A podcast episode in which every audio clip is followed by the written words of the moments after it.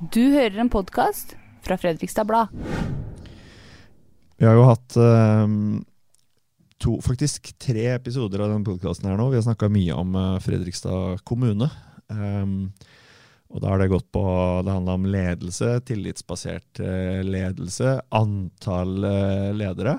Men også sånn overordna dette her med at en kommune består av eh, både en altså administrasjonen, som er alle ansatte i kommunen, og så har du bystyre eller kommunestyre eller hva det heter, som, eh, som egentlig bestemmer. Eh, og det må være et samspill da, mellom eh, politikere og eh, de vil jo ofte da kommunisere mest med ledelsen i kommunen. Eh, men det samspillet, det det har du karakterisert som uh, dysfunksjonelt, uh, Lars? Ja, det har, har nok sluppet ut av meg akkurat den frasen der sånn. ja, du mente det ikke, eller? Jo da. Det, jeg, jeg, mente det i, i en bestemt kontekst, og det er det at jeg, jeg tror alle, alle, kommuner, og inklusivt Fredrikstad kommune, havner i denne her eh, lille, kinkige dilemmaet. At det kan oppstå et misforhold mellom utgifter og inntekter. Liksom ikke helt, er ikke helt ukjent problemstilling. Noen ganger så kan den eh, forskjellen bli litt for stor, og man må gjøre noen grep. Det var en veldig pen måte å, å benevne økonomiske problemer på, eller økonomisk krise på. ja, det. Ja, det, det, det, det, er jo dramatisk. Men, men, eh, men, det er en enkel måte å formulere, formulere, hovedutfordringen på. Og det man da gjerne vil eh, er, altså det, man da må forstå, er jo at eh, politikken følger måte, sine spilleregler, og det er helt ok. Altså politikk er politikk. Og så følger administrasjon og administrativt styre følger en litt annen logikk. Og det ene som jeg har benevnt når jeg skal snakke om dette dysfunksjonelle samspillet, det er jo det at uh, vi, vi, må forstå at uh, politikere er ikke nødvendigvis fagfolk på de områdene de skal forvalte. Og Det er sånn vi vil ha det. Det er et sånn sentralt poeng at uh, en som jobber i en klesforretning, en som jobber i en bilforretning, en som jobber i hva, hva det måtte være, kan sitte i bystyret og representere måtte, sine politiske partier. Og da er de jo ganske prisgitt at de har en administrasjon som fungerer og kan levere de sakene som de skal ta beslutninger på. Altså De må ha en eller annen presis og etterrettelig måte å levere sakene på. Og det er eh, i den verden der sånn, hvor jeg har hatt noen da, kritiske innspill altså, Jeg skal bare ta et sånt eksempel. bare, Jeg syns jo politikk er vanvittig morsomt. da. Spesielt for en enkel akademiker som meg, som prøver å stå på, på yttersiden og se liksom Prøve med, med, kunnskapsformidling inn i her, denne verden. Eh, det var eh, Husker du Christian Borch? NRK-legenden. Ja, ja, han, han, eh, Jeg hørte akkurat på en podcast, historiepodkast hvor han kom for å snakke om Nato. Helt enestående bra episode. Og i hvert fall han legger da liksom skikkelig doserer ut og alt han kan om, om, Nato. Og så kommer han til at han har sittet i en komité på 90-tallet, eh, Oslo-basert, og det handler om nedrustning av atomvåpen. Og da snakker vi Konteksten er, er Jugoslavia-krigen. Ganske relevant da for det som skjer nå i, i Ukraina og Russland. For det etterspillet av den krigen så er det det at eh, Clinton, som da var president, han ønsker å utvide Nato med Balkanland kan man lure på hva dette har med, med, med Christian Borch. Men fall det, det, som er at de, de er over, Denne komiteen er flere ganger over i USA, altså i, i, i New York og Washington spesielt. Og så har Clinton-administrasjonen et ønske om å utvide Nato med to land. Og så kjent så må jo da alle være en, medlemslandene må være enige, inklusivt USA, da, som er den store driveren. Og så har jo da Clinton mista rett og slett Kongressen underveis i et mellomvalg, og han blir blokkert. Og det skjer ikke noe. Året etterpå så er eh, en annen delegasjon som Christian Borch sitter er tilbake igjen. Og havner da i en, uh, denne situasjonen at uh, ja, nå er det grønt lys. Altså Kongressen i USA sier ja, Clinton får kjørt på altså USA støtter nå utvidelse av to land. Og så spør de da, men hva, hva har skjedd? Hva, hva, er dette for noe? Så viser det seg, så, spør, altså, så er det en uh, senator fra Texas som, uh, som da uh, kommer med løsningen her. Da. Og det er det at Clinton-administrasjonen har gitt noen etter på noen punkter i abortlovgivningen i Texas. Og så sitter han bare der og tenker at europeisk sikkerhetspolitikk blir styrt av abortlovgivning i Texas. Dette er deilig politikk. har, du, har, du, opplevd noe i nærheten sånn uh, her hjemme? Uh, ja, altså det, det, har, det, har, jeg. For jeg, jeg, har jo vært med, blitt bedt om å stille på noen sånne folkemøter i, både her i Fredrikstad, men også i noen nabokommuner. Hvor, eh, hvor også har hatt uh, sånn interessant dialog med, med, politisk ledelse, som da stiller opp i disse måtte, debattene eller folkemøtene. Og i et uh, Jeg skal, ikke akkurat uh, name hvilket politisk parti det første eksempelet er fra, men, men jeg har, har vært med på på en, en sak innenfor funksjonshemmingsfeltet hvor, hvor, et støtteparti har vært helt åpenbart ja, men Selvfølgelig har det, det, er jo dette kunnskapet sier forskningen peker i denne veien her. Men vi har jo gått til valg på en del sentrale punkter. Og ved å støtte denne saken, så får vi gjennomslag for andre saker. Man kan jo ikke bli irritert på det engang. Altså for det, det, er jo dette som er måte politikkens vesen. Altså du gir og du tar. Det, det er alle, alle, som, som uh, følger litt med på politikk, skjønner jo at det handler om å gi og ta. Og du, støtter du noen i en sak som du kanskje ikke helt er komfortabel med, så kan du få noen andre gevinster, som betyr mer for måte, det, kjernepolitikken og prinsippene som et politisk parti har gått på. Altså det, det har vært, eh, vært, med på at uh, beslutninger har blitt tatt hvor, hvor man si, svelger noen kameler.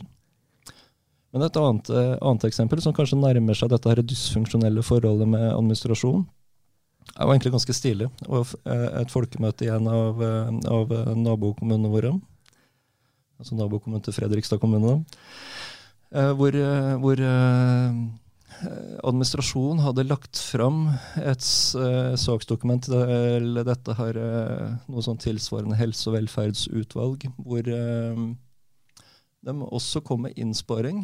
Ikke overraskende. Det var også noe problem med dette, dette utgift-inntektsforholdet i den kommunen også. Måtte spare inn penger.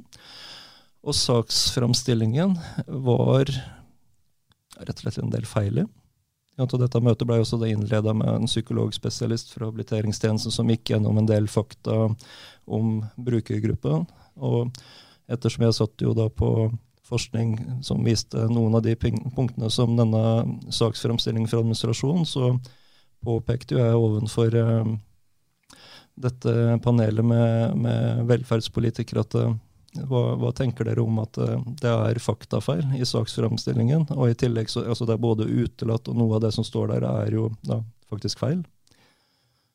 Og da sier utvalgsleder i posisjon Dette er sånn, for meg blitt en sånn udødelig setning jeg må bare innrømme at det, eh, dette kan jeg ikke. Jeg, jeg er bilselger.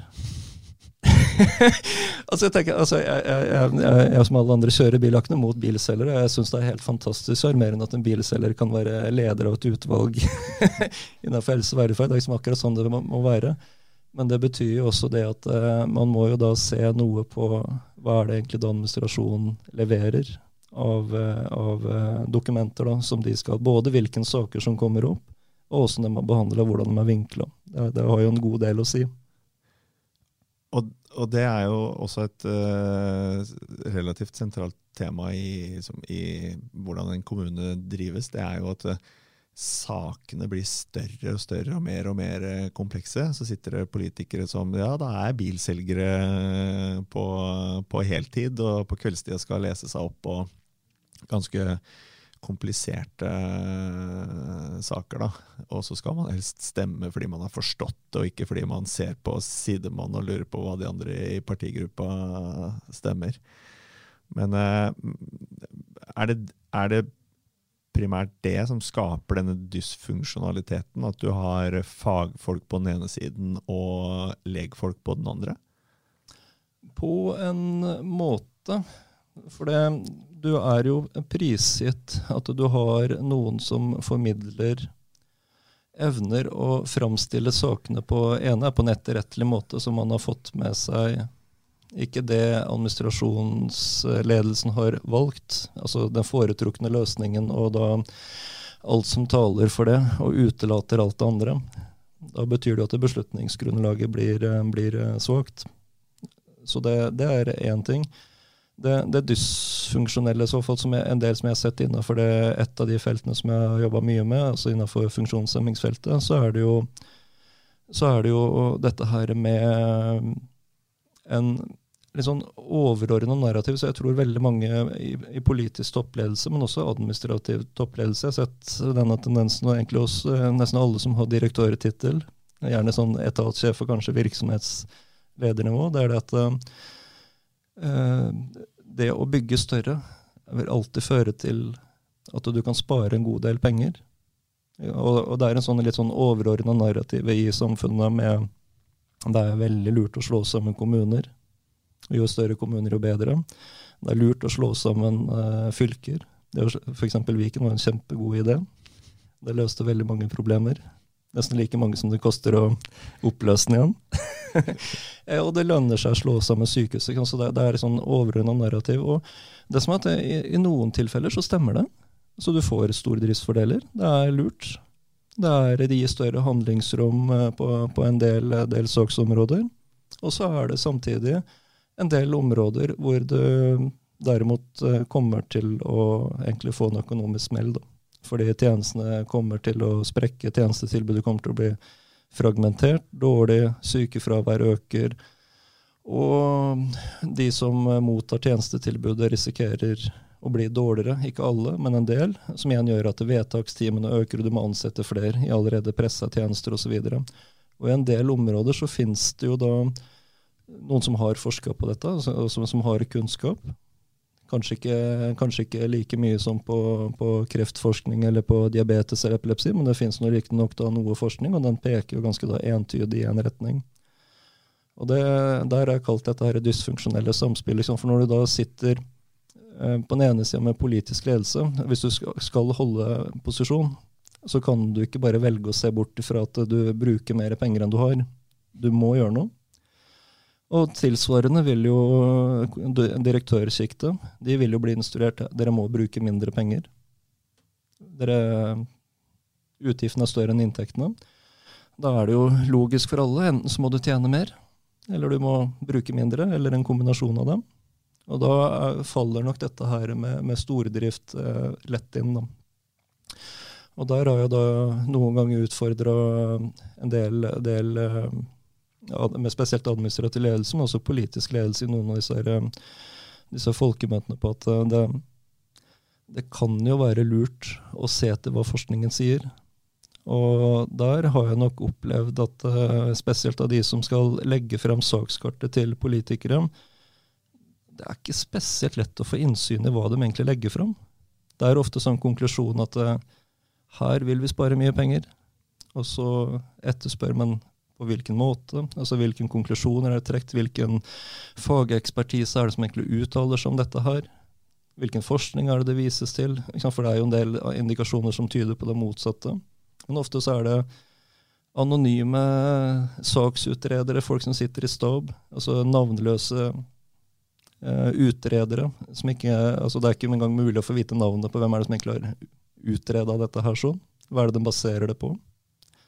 Så det, det er jo sånn nesten inngangsport til litt sånn demokratisk problem. Også. Ja. Er det noen objektive krav til hvordan et sånn saksfremlegg skal være når det kommer til det du nevner her? Altså hva, hva må eh, administrasjonen eh, vise til da, av eh, ja, forskning, dokumentasjon på det som eh, legges frem til politisk behandling, og som jo ofte er veldig førende for hva som blir eh, beslutninga? Nei, egentlig ikke som jeg vet annet enn det som følger av egentlig all saksbehandling. Altså at du må jo utrede sakene og opplyse på, på en tilfredsstillende måte.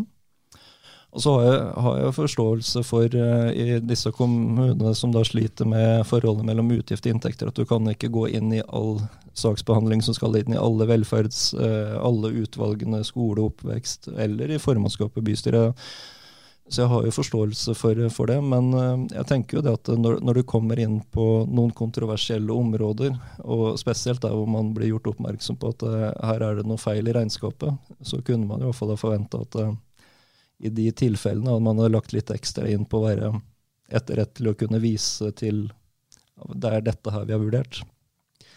Vi har faktisk en sak som er helt fersk nå i helga. Eh, på fredag så publiserte vi i Fredagsbladet en sak om Arena Fredrikstad. Eh, dette store prosjektet.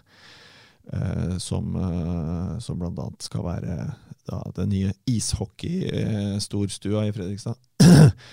Og der der har uh, ordføreren skåret gjennom og sagt at uh, lagt fram et forslag til et uh, prosjekt som da skal gjennomføres i at man skal selge kommunale midler for å redusere lånebehovet. Da. Og i saksdokumentene som skal behandles nå denne uka, her, så, så står det at man ikke ikke har tatt med ting som reduserer byggekostnadene, altså momsrefusjon, tippemidler, Enova-midler, salg av stadionnavn osv. Som er en ganske stor sum. Altså det kan utgjøre 150 sånn i det der, 150 millioner kroner da, som, som, som, kommer inn i prosjektet og reduserer behov for lånekostnader. Og sånn som vi ser det, så, så er det det politikerne da skal ta stilling til en, en slags bruttokostnad. Uh, og det står ikke at her kan det faktisk komme 150 millioner uh, i, uh, i, i, lavere kostnader, da, i, i, prinsippet. Og, og, vi har klødd oss litt i huet på hvor, hvorfor står ikke det? Dette, det? det? står egentlig at man, man, har valgt å ikke ta hensyn til det. altså, fordi det er usikre midler, og det handler jo annet om at ja, sånn som momsrefusjon, som er den største biten, da, det, det, er en sånn pott, og det kan være at det, litt avhengig av hvor mange som søker et år, så kan det være at den potten blir liksom, avkorta for alle. Men det vil aldri bli null. ikke sant? Det vil alltid være en ganske stor andel momsrefusjon på et sånt uh, prosjekt. da. Mm. Men fordi det er usikkert, så har man valgt å ta det bort. Uh, og så kanskje for alt jeg vet, tenker man da kommer det som en bonus senere. da, ikke sant? At det kommer noen uh, penger inn. Men det får jo påvirkning på de som skal sitte nå og vurdere. Ok, dette er Fredrikstad kommunes største ikke-lovpålagte investering i, i, gjennom tidene. Så det er jo ikke enkelt for en politiker i en kommune som da er så hardt økonomisk ramma som det Fredrikstad er, å si ja til dette her. Da må man ha et veldig godt grunnlag for den eh, beslutninga. Så det bare slo meg når du prata om det nå, at det, dette er et sånt eksempel, faktisk. Ja, men det, det tenker jeg er et ganske godt eksempel òg. For det, det, er Administrasjonen sitter jo med, med, sin vinkling og sitt press. Legger fram saken ja, altså de, de, ønsker lykkes å nå fram med saken. Og så sitter du på andre siden med, med politisk ledelse som jeg vil tippe at en god del ikke har en hard ekspertise inn i eiendomsportefølje, forstår arbeidsmarkedet, det byggtekniske osv. Men det, det, du gjør ved å gjøre en så stor og kontroversiell beslutning eh, tilgjengelig for andre, som kan gå gjennom, er jo at det sitter jo faktisk en del overingeniører. Det sitter en del med, med byggteknisk ekspertise, både på, på private firmaer innenfor høyere utdanning, som, som kunne fatte interesse, og som kunne kanskje ha påpekt både noen styrker eller noen fordeler, eller kanskje unngå noen potensielle katastrofer. Men det, det får man ikke. Den offentliggjøringen og den demokratiseringen er jo ikke mulig når du legger alt inn i et litt sånn dårlig skjult fellessum hvor ingen kan etterprøve det. Og eh, du, du, du, har nevnt eh, at det å, ofte er det sånn at det å bygge større, det å slå sammen osv. Er, eh, er bra. Men det er langt fra alltid det. Er, er, det noen områder hvor det helt beviselig er bra? At man bør slå sammen og bør ha det så stort som uh, mulig? Nå må jeg tenke hvor, hvor skulle det, det er illustrativt at du må tenke. Det, det betyr antageligvis at uh, det, etter det du har uh, kunnskap om, så er det ikke så mye. altså Sist altså Jeg prøvde å tenke inn. Jeg, jeg, så, Nå husker jeg ikke helt når den rapporten sist jeg så to sykehus som skulle slås, altså mindre sykehus som skulle slås sammen i et større foretak for å, for å få driftskostnader som jeg ikke tror helt slo igjennom. Det, det, kan jo være noen at noen av disse her kommunesammenslåingene som har skjedd i den siste tiåret, at det har ført til noen form for økonomisk eh, gevinst og bedre tjenester. Det, det, det veit jeg ikke, men jeg... Hva med her i byen? Nå er, begynner det å bli veldig lenge siden. da. Var det var det 94 eller noe sånt? Det var kommunesammenslåing. Tror du den har vært uh, Tror du forskninga der ville konkludert med at det var fornuftig, eller burde vi gjøre som Viken? Nei, jeg, det, jeg vet ikke, opp, Oppløsningen i ettertid det er vel nesten mer kostbar enn en andre. Nei, men det, det, kan, det, kan, være enkelte tjenester jeg kan se at det kan være fordelaktig. Også sånn eh, Barnevernstjenester i bitte, bitte små kommuner når det er nede på en halv stilling, én stilling, og du må nesten behandle sakene til naboen din. Da kan det kanskje være greit å, å ha litt større spillerom å, å gå på. Så det, det kan jo være sånne tilfeller.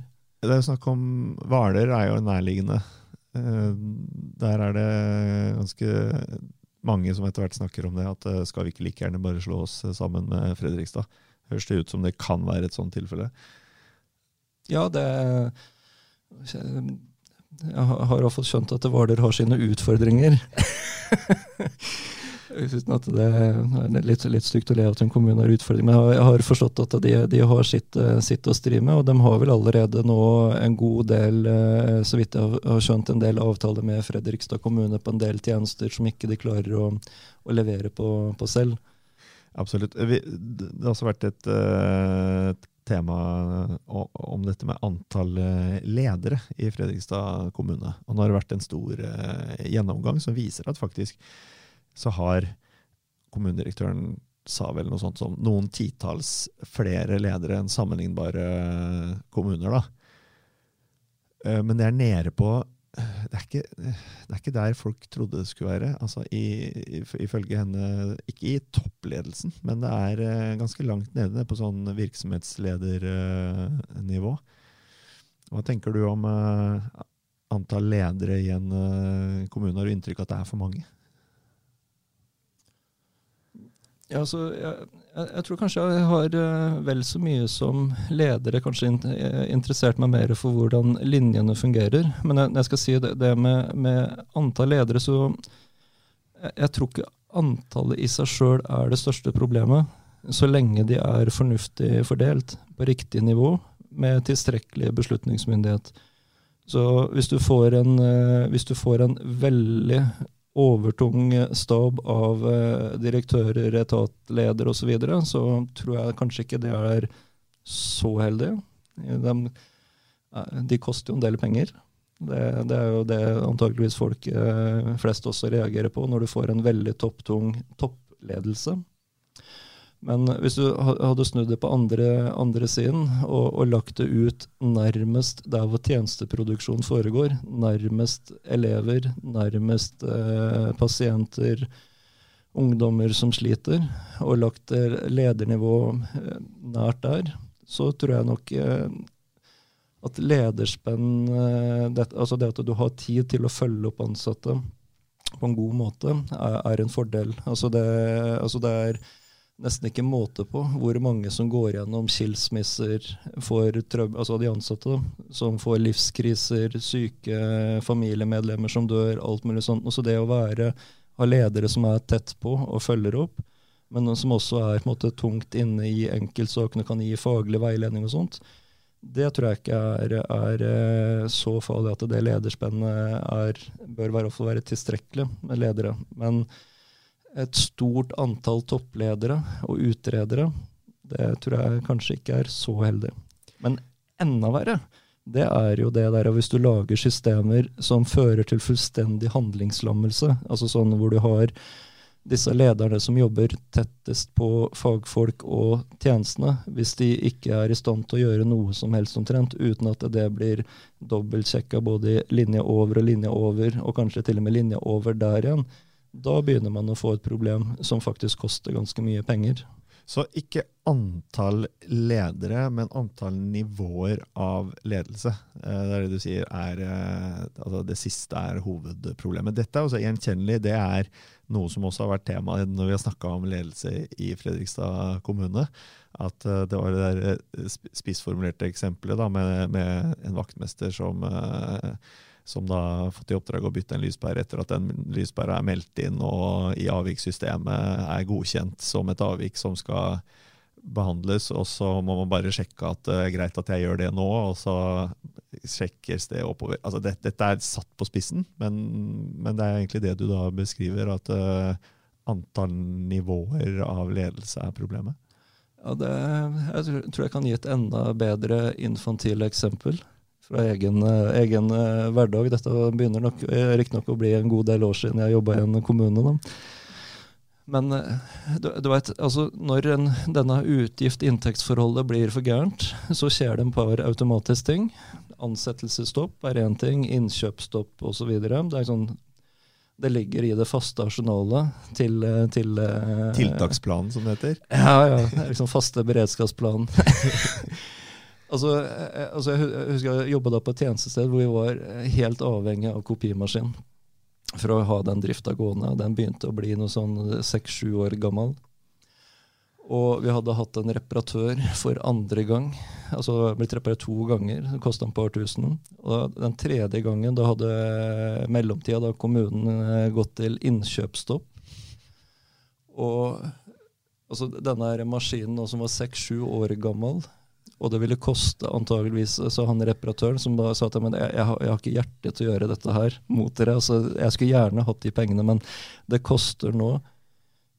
For nå er det kommet mer altså, kopimaskiner. Det jeg skal ha for å reparere deres nå seks-sju år gamle maskin for tredje gang, den reparasjonssummen, det koster mer enn at dere går ned i butikken min og får en flunka ny en. Er dere sikre på at dere vil dette her?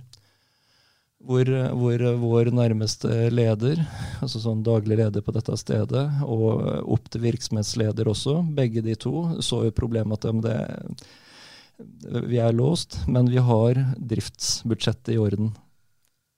Hvor uh, vår ledelsenivå, både altså nærmeste leder og virksomhetsleder, altså var helt altså sjanseløse. Altså de, de kunne ikke føre penger fra driftsbudsjett over til salgsbudsjett. Og vi, jo, altså vi, var jo avhengig av for å være i drift. Så vi gikk faktisk da til, til uh, brukte driftbudsjettet vårt på å reparere en seks-sju år gammel kopimaskin til en tusenlapp eller to mer enn det å koste en ny en. Altså når, når, du jobber med sånne infantile systemer, så får du jo litt grann lyst til å sjølskade. Det er sivil ulydighet dere bedrev. Samtidig så må jeg jo si at han, maskin, eh, han uh, reparatøren han øh, virker jo som jobber i en bedrift med ganske tillitsbasert øh, ledelse. fordi han øh, tok jo en beslutning som antageligvis ikke var en fordel for hans bedrift. Han ville tjene mer han på at dere fortsatte å reparere Absolutt. maskinen der. Absolutt. Men så sa han at nei, her tar jeg ansvar, og så gir jeg noen gode råd her til disse fortapte kommunearbeiderne. Hva endte det med med den kopimaskinen? Nei da, det blei ble faktisk eh, driftsbudsjettet det gikk på. Ja, det stemmer. Ja, ikke sant? Så det, så det gikk vel Og det ble ikke oppdaga? Det var ingen som mista jobben? nei da, det, det, var eh, nei, det, det, en, en, en sørgelig eksempel på hvordan en handlingslammelse kan oppstå når man er helt avhengig av å kjøre saker helt opp til, eh, til altså nærmest da, til direktørnivå. Altså helt, helt filleting som åpenbart burde ligge innenfor ansvarsområdet nærmest drift. Men øh, når du da både sjøl har sett at sånn foregår det faktisk, eh, f.eks. i en kommune Dette kunne skjedd i en privat bedrift òg, altså det, det, men, men, nå snakker vi om, om offentlig virksomhet. da. Um, når du ser det, og så er det også noe som vi har snakka om i disse podkastene om Fredrikstad kommune, nemlig at det også er et problem der. Det må forankres oppover, og det blir veldig tungrodd og vanskelig. Eh, hvis du nå er Nå er du ikke eh, kopimaskinreparatør, men du er eh, ledelsesstrukturreparatør. Hva, hva skal du gjøre? Vel, det jeg tror er, er eh, påkrevd, er å flytte um, eh, handlingsfrihet og beslutningsmyndighet lenger ned i tjenestene. Hvordan, Det- gjør, hvordan gjør man det? Det gjør man ved at når du får en tåpelig e-post som ber deg ta stilling om noe som er fullstendig trivielt, og så sier man uh, i den e-posten 'takk, dette klarer du å løse sjøl'. Altså hvis du svarer Altså på som, led, e-postene som leder som får spørsmål fra en under om noe, så sier man 'jeg har tillit til at du fikser det sjøl'. Ja. Ja. Så hver gang du får tåpelige e-poster, hvis du sender dem med høflig 'Dette har jeg tillit til at du klarer. Dette tror jeg du klarer å tenke ut sjøl'. Hvis du konsekvent gjør det, og det samme er hvis det er medarbeidertrøbbel, altså folk som hopper over mange linjer, det syns jeg du skal snakke med den nærmeste. Så enkelt er det. Autopilot på e-poster. Bare, bare, bare regne med at det, det jeg får nå, er et spørsmål som vedkommende klarer å svare på sjøl. Men eh, hvis det er så enkelt, eh, hvor, og det er smarte, oppegående folk i de fleste kommuner, og også i Fredrikstad kommune, hvorfor, eh, hvorfor svikter det da? Eh, noen vil jo kanskje si at det, det er også en måte å opprettholde sin egen stilling på. Hvis man eh, Jeg hadde, en historie om eh, Det var eh, en kar som jobba som, en, eh, som var sånn IT-ansvarlig i en eh, virksomhet. Hvor, og det var når IT var litt sånn skummelt og vanskelig, og ingen skjønte noe av det. Og så begynte folk etter hvert å skjønne mer og mer av det. Uh, og og det, det han gjorde, var at han da opprettholdt sin egen stilling ved å aldri fortelle hvordan han løser et problem. Han satte seg ned ved maskinen, og så, så kan du gå og ta en kopp kaffe, så er det orden når du kommer tilbake. Og det han som regel gjorde, var å slå maskinen av og på. Eh, det var en måte å sørge for at den eh, stillingen ble opprettholdt. Da. Men kan det være et element av det? At det å eh, Hvis man ikke har den inngangen som du sier, da, at man faktisk ønsker at folk skal løse problemene som de klarer å løse sjøl, sånn at eh, man som leder kan ta hånd om de store problemene som faktisk man trenger å løse. At man gjør det i for liten grad for å opprettholde sin egen eksistens. Ja det, det tror jeg er, er det finnes eksempler på. Altså sånn eh, skrevet- det er jo nesten blitt et sånn fenomen i seg sjøl. Sånn eh, bullshit jobs er det noen som også velger å kalle det. Sånn, hvor du, du sitter på en jobb som sånn helt åpenbart ikke har noen funksjon, annet enn at den eksisterer i systemet. Da. Så hadde, hadde folk begynt å tenke seg om, så hadde du antageligvis blitt fjerna. Det, det er artig begrep for dem som har lyst til å søke opp det. Bullshit jobs. Det er eh, fantastisk litteratur. Det er til og med en bok som jeg har skrevet med den tittelen. Men, men jeg tror, eh, bortsett fra den der personlige, altså den eh, dimensjonen som du snakka om, så tror jeg også det er eh, vi, vi sliter kraftig med, med denne her hva skal jeg si, den overdrevne fokuset og troen på at eh, indikatorsystem, eh, indikatorstyring på den ene siden Kan kan Og ta, hva, hva er indikatorstyring? Eh, Indikatorstyring det, det innebærer egentlig at du jobber eh, Det er litt sånn forvel, eh, forlengelse av New, new public, eh, public Management. altså Som innebærer rett og slett at, eh, at som en kommune, eller som en bedrift hvis det skulle være det, så må du levere på en del resultater. Og de resultatene den blir brytet opp i målbare indikatorer. Og de målbare indikatorene de blir jo da fordelt ned i sånne siloer i sektor, sånn så én direktør blir målt på et sett med indikatorer, som igjen fører til at eh, etatssjefen blir målt på et sett med indikatorer, som igjen fører til at et x antall virksomhetsledere og avdelingsledere. Det, det som eh, er den store, store utfordringen hvis man har et veldig effektivt indikatorstyre, er at du får en helt infantil bedrift etter hvert. Og det betyr at eh, i enhver organisasjon, om det er høyskole, universitet, eller om det er Fredrikstad kommune, eller hva det måtte være for noe, eller Fredrikstad Blad for den saks skyld, så klarer du ikke å summere opp alt som er viktig i noen få indikatorer. Skal du ha bedrifter til å gå rundt, så er du nødt til å alt for å kunne ha folk som tar imot kunder, gjester, studenter, folk som eh, er villige til å låne bort kontoret sitt hvis det skulle være behov for noe som kan stille opp på ting. Det som skjer når du har disse indikatorstyrene, er det at folk blir veldig fiksert på dem. Altså Eksempelvis i, i forskningsverden, for ikke bare ta kommunen, så er det et sånt problem er at du får en ganske stor premiering per manuskript du publiserer. Det som da skjer, og som har blitt et omfattende problem i forskningsverden, er at der du egentlig har én god, stor artikkel med tre hovedargumenter, blir kjørt ut som tre manuskripter med ett poeng hver. For å score flere poeng. Da får du trippelpoeng. Altså, dette problemet har, har snakket, altså, helt, helt opp i, altså, i, rettsvesenet og i politiet, som jeg har noe kontakt med, sånn, det, det, å avslutte en sak og heller åpne opp igjen, det øker statistikken for saker du åpner og lukker. For du får jo per sak. Så du får en sånn type infantilitet i systemet som gjør at, eh, at eh, når, når etatssjefer og virksomhetsledere og avdelingsledere blir for harde på indikatorstyret, så får du det at eh, de, de klarer ikke å samarbeide med, med kollegaer. Altså på, på in, internt i en avdeling, og du klarer ikke å samarbeide mellom avdelinger fordi du blir så styrt på en ting. Og, altså er det fordi at du, okay, du har folk uh, i uh, si, naboavdelingen som jobber med andre mål, og derfor så, så har dere egentlig liksom ikke Dere jobber ikke for et felles uh, mål, da, som gjør at du ikke kan er ikke, er ikke relevant å samarbeide, blir det sånn?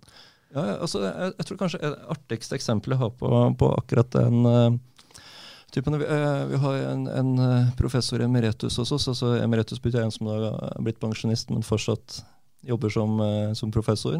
Som heter Gunnar Wold Hansen, som har vært med å, å starte tverrfaglig utdanning og det som, det som også nå heter mastergrad i samordning av helse- og velferdstjenester. Han hadde et ganske kult løp. Han gikk først, altså Begge disse her karriereveiene i akademia. Først førstelektor-dosent, og så førsteamanuensius-professor.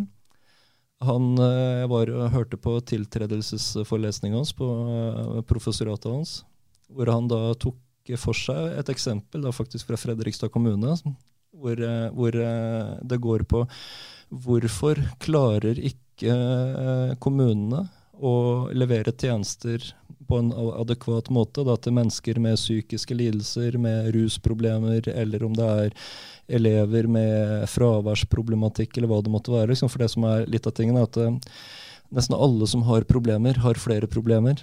Liksom. Så hvis du først har en psykisk lidelse, så har du gjerne rusproblem.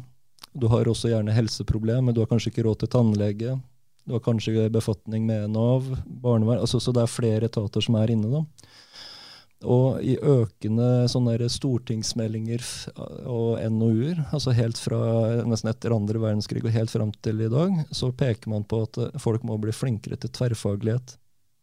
Folk, folk, må bli flinkere til tverrfaglighet. Ja, ja, så du legger det på sånn personlige ting. Så hadde du René, vært bare litt flinkere til å være tverrfaglig med de andre avisene, så hadde dette blitt litt bedre. Det er, det er du som skal bli litt flinkere. Men så dro han altså, et fantastisk kult eksempel, hvor han hadde vært med fra Det var rett før Nav ble etablert. da, det gamle sosialarbeiderkontoret og tror jeg barnevernstjenesten, hvor han da hørte på eh, altså de, en sånn deltakende observasjon da, i forskningssammenheng. Og Så sitter han og hører da på disse saksbehandlerne fra hver sin eh, enhet. Og for, for, dem som da var observatører, så var det akkurat som de, de snakka ikke samme språk det var helt, altså de, de hadde forskjellig virkelighetsoppfatning. Så her, altså, så han brukte disse burde lære seg tverrfaglighet, og så kommer det bare den catchen. For hadde de snakka samme språk, da hadde de samarbeida. Men så sier han at men problemet er at begge ble utdanna på Kråkerøy i samme år, og de gikk i samme kull. De kan akkurat det samme språket, men problemet er jo det at eh, den ene kom inn med måtte sitt mandat, var at denne saken takker vi. den andre kom inn med saken at det, denne tar ikke vi, men vi tar den delen. Altså når, når, disse her, eh, når vi nærmest tjenesteyting, og det som da virkelig koster mye penger for kommunen, altså oppfølging av folk med diverse helseplager, rusproblemer, psykiske helse, barnevern, altså alt innenfor sosialfeltet, når det er sammensatte problemer, så trenger vi noen som sørger for at uh, disse forskjellige siloene, etatene, at ikke de jobber kun med sine resultatindikatorer. For det gjør at de tar virkelig ikke i alle disse her mellomsonene som det er vanskelig å sette opp indikatorer på, og som gjør at hvis ikke noen tar dem, så blir jo ikke folk friske, altså kanskje dårligere, og som igjen legger press på budsjettene. Så det å få til gode samhandlingsrutiner, altså hvor man da fjerner noe av dette her indikator og alt dette presset på å skrive kvalitetsrapporter, og begynner å legge inn eh, makt og myndighet på koordinasjon og samhandling, og i disse gråsonetilfellene hvor ikke det er så lett å, å, rapportere på, tror jeg kanskje på sikt også at kommunebudsjettet hadde blitt litt hyggeligere. Men det, det, du snakker om, er jo egentlig en total omlegging av systematikken da, som man har tilegna seg gjennom uh, nå flere tiår. Er det mulig? Altså, og fins det eksempler på noen som har gjort det og fått det til? Eh, ja, altså på det første spørsmålet, eller første konstateringen du hadde, så er det helt rett. Sånn har man holdt på i mange år. Og jeg tror vi har mange års, eller flere tiår med empirien på at det ikke funker så bra. Og fremtidsprediksjonene, som, som, ser ganske dystre ut, så er det jo det at eh, vi snakker ikke mer enn to tiår til at antageligvis så vil ikke det være mulig å håndtere de utgiftene. Ikke har vi nok inntekter og ikke har vi nok mannskaper til å jobbe. Så jeg tror nok eh, enhver som sitter i både administrativ og politisk ledelse, også i Fredrikstad kommune, sitter med litt, sånn, litt panikk for hvordan de skal håndtere dette om det finnes eksempler på at man har klart å løsreve seg fra disse siloene og, og indikatorstyre og jobbe med samhandling.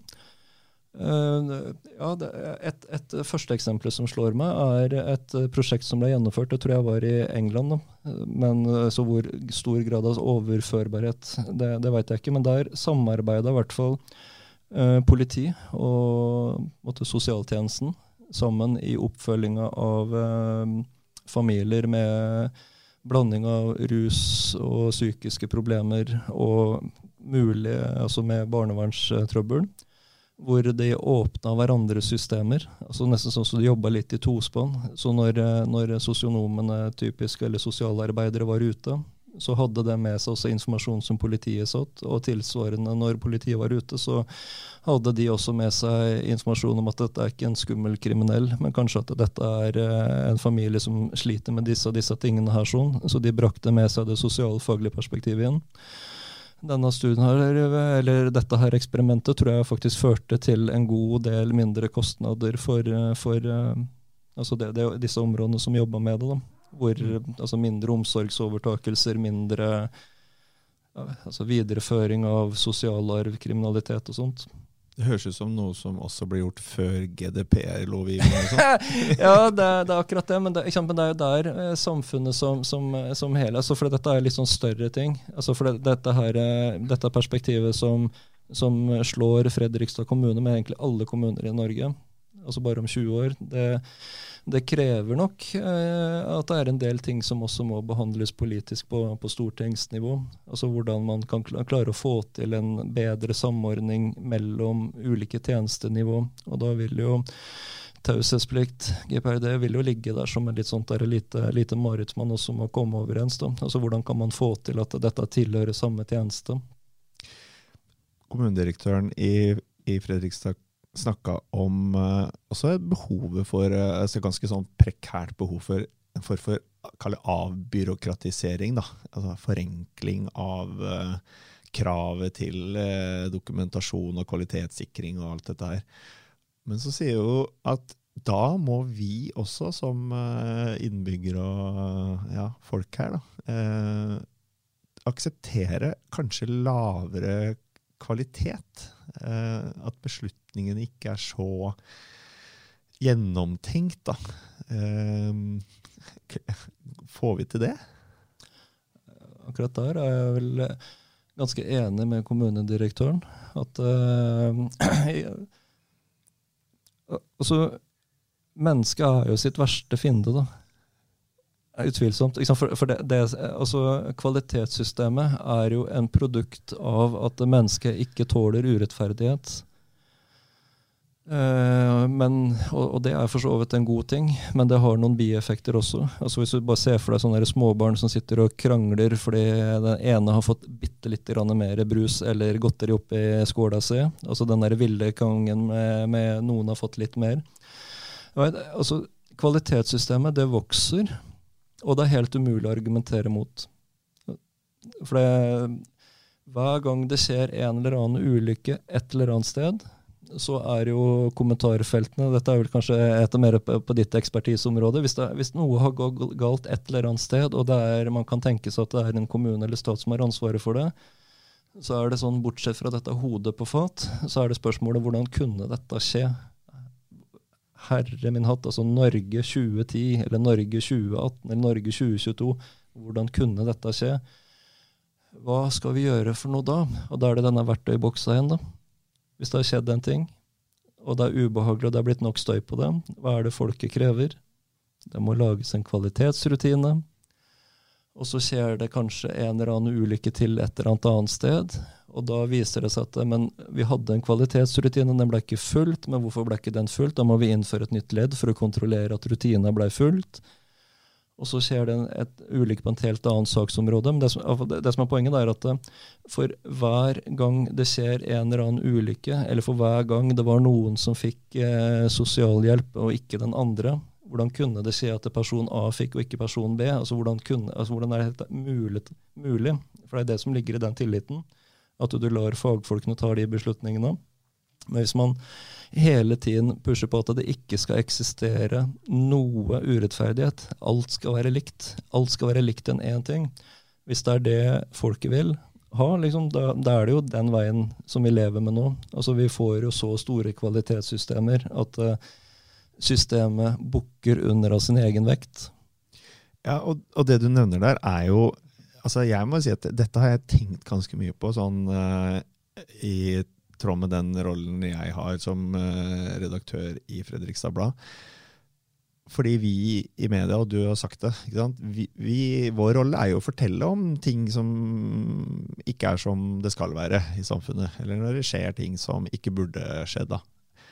Og så, og så ser vi jo det, at noen ganger så fører jo det nettopp til at selv om sannsynligheten for at det skal skje igjen, er utrolig liten, så kan det være at det innføres noe nytt som forsinker eller fordyrer eller forvanskeliggjør for veldig mange. Da, bare for å, for å unngå den, den, ene lille muligheten for at, eh, for at, det kan skje igjen. Og, og ting vil skje. Mm. Fly vil falle ned. Man kan aldri liksom forsikre seg 100 mot at, eh, at, at ting vil oppstå. Uh, og, og, det kan tyde på at vi har kanskje nådd liksom, Vi er over et tipping point på når, hvor vi burde sagt noen burde sagt at hallo, vet du hva, dette må vi leve med. Den risiko, Vi må leve med litt risiko, som vi snakka mye om i koronaen. ikke sant? At, ja, altså, vi må faktisk eh, tåle at uh, ja, det er noen som vil dø her, og det er noen som vil bli alvorlig syke. Uh, vi kan ikke stoppe dette her på Kina-måten, med at vi, vi, murer folk inne i, i leilighetene sine. Nei, det, jeg, altså, jeg, jeg, tror det, det, er nok en, en Jeg skal ikke dra det for langt, men jeg tror, jeg tror, det er en sånn erkjennelse at vi kan ikke kvalitetssikre oss ut fra menneskelig lidelse helt og holdent. Og det, det, burde nesten ha vært en sånn der regel på at eh, for hver gang du innfører en kvalitetsregel, så må du ta ut en gammel. det var, det, vet du hva, det, det, altså, da snakker du praktisk politikk. Ja. Ok, da skal du ha uh, du, du, skal kvittere ut ved at du fjerner noe som ikke trenger å være der lenger. Ja. Ja, det, det, vil være en måte å holde det håndterbart på. Og så tror jeg nok også det at det å lage en litt sånn der rullerende eh, system for når man skal innføre for, altså, Problemet for alle statlige og kommunale virksomheter er jo den der overdrevne rapporteringen. Altså, det, alle har det. det, det er, jeg, jeg, tror ikke du jeg, jeg vet ikke helt hva slags type personlighetstrekk man måtte ha for å kunne finne dette som en tilfredsstillende ting. Altså det, det er omtrent ingen i kommunal eller statlig sektor som liker denne overdrevne rapporteringstingen. Men eh, kanskje man skulle tenke det mer sånn som man gjør på, med fotobokser, eller med sånn der eh, Ikke fotobokser, men når politiet er ute på sånn radarkontroll. Du veit liksom ikke helt hvor den popper opp hen. Så kanskje man skulle hatt i tillegg til denne regelen med at skal du innføre en kvalitetsrutine, så må du ta ut en annen en. Så kanskje ikke man trenger å rapportere på alle samtidig. Kanskje man kunne hatt en eller annen form for rulleringssystem på hva, hva, man skal, hva man skal rullere. Altså et eller annet system som fungerer iallfall litt mer hensiktsmessig enn man har i dag. For det rapporteringsplikten som alle kommunale og statlige bedrifter jobber under, den er jo absurd. Og det må jo være døden for eh, arbeidsglede og trivsel. Altså det, det, ja, det finnes sikkert noen få mennesker som elsker å sitte og rapportere, eh, men de er få, altså. Kanskje har de diagnoser òg, jeg vet ikke. Det er, eh, det er eh, hvert fall nærliggende å tenke at hvis man er så, så inn i det feltet. Nei, men, jeg- men Der er jeg helt enig med, med kommunedirektøren, men jeg er ikke nødvendigvis enig i at eh, tjenestene blir veldig mye dårligere. Men det kan være det at du kan få innslag av at du får forskjellige tjenester. Altså Det kan være det at eh, noen opplever det urettferdig, at, eh, men den fikk jo den type oppfølging, og så fikk jeg den type oppfølging. Så det at man må kanskje i større grad akseptere at eh, da de ulike kontorene, de ulike fagpersonene nær deg, vurderer situasjonsbildet noe annerledes. Ja da, og det er jo det er en, det er jo ikke verre enn at eh, ja, det vil føre til eh, en viss misnøye over det, men gevinsten kan jo hende oppveier i stor grad da, for den misnøyen som enkelte vil føle over at det ikke er så uh, gjennomført uh, likt håndtert i alle sammenhenger. Ja, gevinsten vil være stor. Men at den kommer med denne bieffekten, at det vil være små variasjoner her og der, det, det er jo det som ikke, man må stille seg. Liksom, det er liksom det store spørsmålet når du ser at et system bukker under, og at du bruker uforholdsmessig stor andel ressurser på, på høyt betalte mennesker. Hvis eneste jobb er nesten sånn type bullshit-jobber hvor du sitter bare og rapporterer for å rapportere, det, det, og som gjør det vanskelig å omsette til praktisk tjenesteyting nær der personer er hen. For det, det, det er jo dette indikatorstyren som jeg var inne på i stad. Det er jo det man rapporterer på, som igjen gjør at du blir jo grisgod på konkrete punkter, mens ofte helheten rundt og alle gråsonearbeidene forvitrer. Du er eh, også opptatt av, du kaller det en ny trend i, eh, som, eh, som er i ferd med å liksom eh, sette seg. Og det er ikke en hyggelig trend. Det får utslag som skolevegring og spiseforstyrrelser og ja, generelt flere unge som sliter. Ja, det, jeg, altså det, det var Jeg blei litt overraska, selv om jeg så jo tallene og så at det var på, på vei. Det, det er eh, Kona mi sier at jeg er eh, 86 år, da. Er det liksom gammel mann? Og at jeg har vært det siden jeg var 20. Hva, hva, hva er det som gjør deg til en 86-åring? Det, det er, nei, jeg, liker egentlig mest å lese bøker og holde på ute i rosehagen og sånt. Men, eh, men, det er, eh, men det er eh, da når pandemien kom, da, da gikk det nok opp en liten sånn erkjennelse av en trend jeg hadde sett komme, men som da blei til en liten åpenbaring. Uh, inntil da så hadde jeg forestilt meg at alle liksom den store massen av studenter som kommer inn til oss, er litt sånn Ex on the Beach og Paradise Hotel. altså Alle har et sånt overdreven stor fokus på å vise seg fram. altså Jo mer du kan eh, vise deg fram, jo bedre er det. Og så møtte vi svarte skjermer skikkelig fort. Og så begynte jeg å spørre, altså jeg snakka med utrolig mange eh, som eh, måtte, med studenter, med andre. Så hva, hva er dette fenomenet? Hva, hva, hva, svarte skjermer? det Ja, svarte skjermer det, det er et fenomen som ramma høyere utdanning. Når all undervisninga gikk digitalt, så satt man jo eh, fra å sitte i auditorium med mange mennesker, og så hadde man jo da, som man har på møter, altså alle har på skjerm og folk snakker med hverandre. Og så blei bare alle liksom, skjerm etter skjerm bare slukka seg. Og det som var måtte, min, min greie, da, som henger sammen med denne psyken til unge barn, som skjer fra tidlig alder, som jeg da møtte da i unge voksne, var dette her Men hvorfor likte du ikke å ha bildet ditt på skjermen? Altså, Jeg trodde du var sånn skikkelig ex on the beach. Eller, altså, Handler det ikke bare om å vise deg sjøl fram i sosiale medier? Hvor de uh, Ja, stem, ikke sant? At de, ja. ikke, uh, at de slo av kameraet, at du, ikke så Ja, ja. Og så, så ble det sånn, men hvor, hvorfor, hvorfor, var det sånn? Og det var der den derre Oi, hva skjer nå på barneskolen vår? Hva er det nå som nå skjer på ungdomsskolen? Hva er det som nå skjer altså helt opp til den unge voksne alderen? Men altså det, det de sa, var at det, det å se seg sjøl Det at andre kunne se meg på skjermen, det var for sterkt.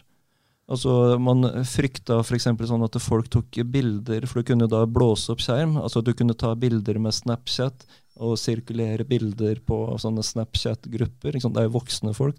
For meg så er det helt absurd å tenke er det noen som gidder å blåse opp bilde og ta Snapchat og sende rundt. Altså sånn, Hvor gammel er du? Tre år? er det ikke voksne, er, liksom, er det ikke studenter og høyere utdanning vi holder på med? Men, altså, men den der enorme sårbarheten og så, eh, i hvert fall så har jeg etter hvert begynt å se denne trenden, for dette påvirker også den porteføljen som vi jobber med på, på høyskolen. altså den der Vi må begynne nå å omstille eh, både forskningen vår, utdanningen vår, til å håndtere eh, bl.a. Med, med barn. Altså, det er en økt omfang av skolevegring, altså allerede fra barneskolen opp til ungdomsskolen. Denne her trenden har, har vist at den diagnosen som jeg tror trender aller høyest nå, trender er kanskje litt uheldig, men altså den, den, som øker mest nå, det er spiseforstyrrelser. Så er det skolevegring, altså det å trekke seg inn, det å trekke inn i seg sjøl. Og man ser det også opp i ung voksen alder, hvor det blir også et ganske stort eh, press på bl.a. av kommunebudsjettene som vi snakka om i stad. For det, det, dette er en generasjon som kommer opp hvor det er en opphopning av mennesker som ikke klarer å gå ut i arbeidslivet, de klarer ikke å studere. Eh, kommunehelsetjenesten sliter med å få tilgang til dem. Det er, altså det er alle folk som aldri kommer seg ut av barndomsrommet, eller som flytter hjem, hvor man nærmest altså sliter bare det å komme i kontakt. Man går så inn i seg sjøl. Jeg har eh, snakka med um, folk som jobber i eh, sånn barne- og ungdomspsykiatri, altså som forteller om trender hvor de for eh, sånn, ti år siden hadde ungdommer som hadde måte, veldig utagerende stil, altså kunne, hvor, altså, hvor problemet var tallerkener som gikk veggimellom, eller fysisk angrep på dem sjøl, rømming osv. Hvor nå ungdommene sitter oppe på rommet sitt og kan ikke forholde seg til verden. Også det er spiseforstyrrelser. Bare det å komme ned i salen og spise er bare sånn Men de andre ser på meg. Det, hva, hva, altså, ja, hva, kommer dette av? Du, du, peker på sosiale medier. Og, ja, snakker vi om uh, effekter en, av det?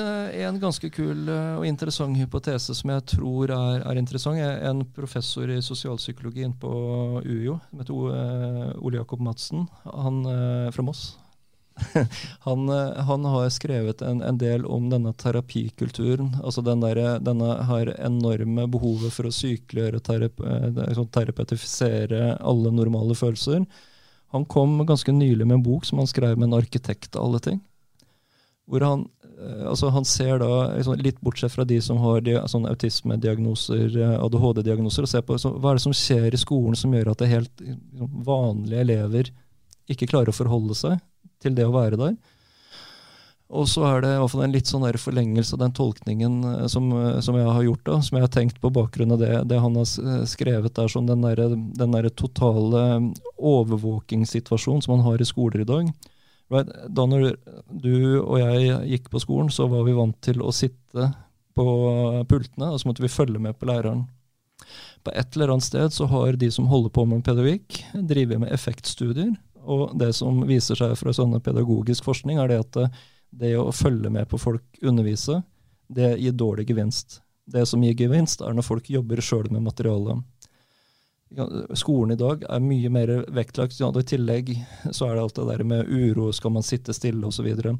Det har gjort at eh, mye pensum, eller mye pedagogikk i dag, er lagt om til at folk skal jobbe i grupper dette er noe som jeg kjenner meg sjøl igjen i. Når jeg, jeg, må være på sånne ledelsesseminar eller andre ting, og så er det sånn Gruppearbeid. Kan, å, kan ikke jeg bare få lov å sitte og høre på den og kanskje svare på nedpost og koble ut? Men altså, det, det, er altså så slitsomt å sitte i gruppearbeid fra du kommer til du går. Altså, det er helt utmatta. Altså, det er ingenting som smaker bedre enn en glass vin når jeg kommer hjem etter å ha sittet på sånn samling og skal sitte i en prosess hele dagen. Men det, liksom, det, er det som er med disse barna. Altså når det, Fra de kommer inn i timen, så sitter de kontinuerlig, nærmest, da, i en eller annen prosess, hvor det er medelever som skal vurdere hvorvidt de deltar. Det er eh, lærere rundt som vurderer. Og når du da kobler utafor, altså det, hvor mange barn som nå har vokst opp med at uh, hele livet deres er dokumentert på Facebook eller på Snapchat-grupper med familier. altså det er Uansett hva du gjør, altså de gjør det mot seg sjøl, men også foreldre gjør det mot dem. Når du kommer inn på skolen altså Alt handler om at du hele tida er i en eller annen prosess. En eller annen overvåker det hele tida. Og på et eller annet tidspunkt når du kommer da ut i sjette klasse, sjuende klasse, åttende klasse, så er det sånn Jeg orker ikke å gå på skolen. Men, men hva er det? Er, det er norsk i dag. Du kan jo norsk. Du har jo helt anstendige karakterer i norsk. Men det er bare jeg kan ikke forholde meg til verden. Det er den derre enorme innoverpresset, enorme sammenligning med andre. Det å hele tiden stå i en prosess så ser det ut som altså, dette, dette, er ikke en saksforklaring, altså det, det, er komplekst, men det er som det, det er én sånn mekanisme som jeg har sett går igjen. Men, men hvert fall hovedlinja her er at vi har en veldig rar og potensielt veldig alvorlig for den de gjelder, men ikke minst kostbar trend for samfunnet rundt oss. Når vi har um, økende andel mennesker som virkelig går innover i seg sjøl, og nærmest sånn ikke, enorm uh, innoverfokus på hvem er jeg, hvem altså sånn der, Når du fra tidlig alder sitter med eksistensielle livsproblemer, når du forteller det, så jeg, jeg kjenner at det treffer. For eh, jeg har en datter på 12, straks 13 eh, sjøl, og hun sitter jo altså med den mobilen i hånda og er på, på sosiale medier, i hvert fall de få som hun har tilgang til, da, eh, hele tida. Eh, burde, jeg, burde jeg gripe inn og si at nå er, nå er det slutt, nå får du en halvtime om dagen? Det er jo litt av det hvor utfordringen ligger. da, at Det, det vet vi jo ikke helt. Altså for Det er ikke bare å trekke ut pluggen heller. Altså for Du har jo ikke, du har ikke lyst til å lage en datter som er som meg, som er 86 år og sitter med en rosehage ute på landet. for det er, det er, jo der alt foregår. Altså det, det er, altså som forelder så blir man jo litt rådløs, og vi har egentlig ikke helt den der kunnskapen om hva, hva Altså disse virkelig store samfunnstrendene. Hva, hva, skal foreldrene gjøre? Hva skal skolene gjøre? Er dette et slags live-eksperiment, rett og slett? Ja, det, altså det, det, det starter kanskje enda før. Uh, altså, for, altså, er, altså, Samfunnet nå ser jo fryktelig annerledes ut enn da når, da når vi, vi, vi, vokste opp. Uh, så er det der jeg prøver ikke skal bli en sånn gammel mann som sitter tilbake igjen og ser at alt var bedre før. Men, men det, det, er et eller annet eh, med altså, at, at Vi sender jo nå barn i barnehagen allerede før de er eh, ett år. Og vi vet at primære tilknytningen altså den skjer kanskje fra du er ni måneder. Er, du har nesten ikke rekke å tilknytte deg foreldrene før du er eh, Hvis du er måtte, så heldig eller uheldig at du har en forelder som jobber fra åtte til fire. og det er med pendlervei. Du er kanskje i barnehagen før halv åtte, og du er hjemme igjen til halv fem. Du er det fem dager i uka. Altså den, den, trenden der, med dette her enorme fokuset på gruppearbeid, være i prosess på skolen med foreldre rundt og tanter og onkler som til enhver tid eh, dokumenterer livet ditt på forskjellige sosiale medier. Og ikke minst da denne her enorme sammenligningsgrunnlaget, hvor du, når du da sitter og ruller på om det er på Snapchat eller om det er på hva nå enn disse her plattformene heter, hvor, eh, hvor eh, du til enhver tid ser noen som har fått seg nye klær, fått seg, er på noe kul fest, er på en eller annen kul ferie. Altså det er jo sånn, eh, Du kan jo hete Cristiano Ronaldo og bli sjuk av å sitte og se på det. For det er jo alltid noen som har det bedre. Ja, og det, som foreldre så har man jo lyst til å si at det, det, er ikke det som betyr noe. Du vet at det er andre verdier i liv, og, ikke sant? men uh, hvor langt kommer man med det, liksom? Nei, det er, det er, det er vanskelig. Og det er, som sagt, det er jo Det er vanskelig å gjøre barna sine til uh, sosiale enstøinger med, med, å trekke ut den pluggen. Så det, men det, det, det, det er, jeg, jeg, dette her har jo ingen løsninger på. Dette er bare en trend som jeg ser kommer, og en trend som ligger an til å bli ganske kostbart for samfunnet. Og her tror jeg det er definitivt behov for at etatene som nå jobber ute i, i tjenestene, om det er barnehage, skole, om det er barne- og ungdomspsykiatri, om det er Nav eller kommunehelsetjeneste og for så vidt også foretak innenfor psykisk helse, her tror jeg nok det er behov for, for uh, samordning og koordinering for å både forstå disse fenomenene, for å kunne gjøre noe med, med roteårsakene, men, men, også koble på, på forskningsfeltet i mye større grad. Altså det, her, her, tror jeg det krever litt sånn sammensatt Tverrfaglighet? Tverrfaglighet Samarbeid på tvers av siloer? Ja, for, det, for det, det, dette fenomenet lar seg ikke altså sånn Eksempelvis, og det tror jeg med, med rette har blitt kritisert. For du, du, kan sette i gang tiltak som er litt sånn barske, komme tilbake til altså Hvis du har en skolevegring altså Du kan jo alltids klare å tvinge en, en, en voksen person kan fysisk sette deg inn på skolen. liksom Holde deg til du skjønner at det ikke nytter å rømme derfra. Men du har jo ikke løst problemet med, som gjorde at du måtte stikke av fra den skolen i utgangspunktet. Så det er denne her at det, her trenger det flere sektorer som må jobbe sammen for å forstå de, de eh, trekkene. Da. Så I tillegg til eldrebølgen så har du nå lansert eh, type ungdomsbølgen, eh, som, eh, som vil gjøre da det du kaller for eh, misforholdet mellom eh, inntekter og utgifter i en kommune enda vanskeligere? Ja, ja det, det er, er, det ikke litt sånn hyggelig å, å, å lande med egentlig sånn skikkelig dårlige nyheter? Det er viktig at vi har eh, noe å holde på med og tenke på og ha et bevisst eh, forhold til. Det har vært utrolig interessant å ha deg i studio, Lars Rune Halvorsen. Du er eh, instituttleder på Høgskolen i, Østfold. Tusen takk for at takk, du tok deg tida.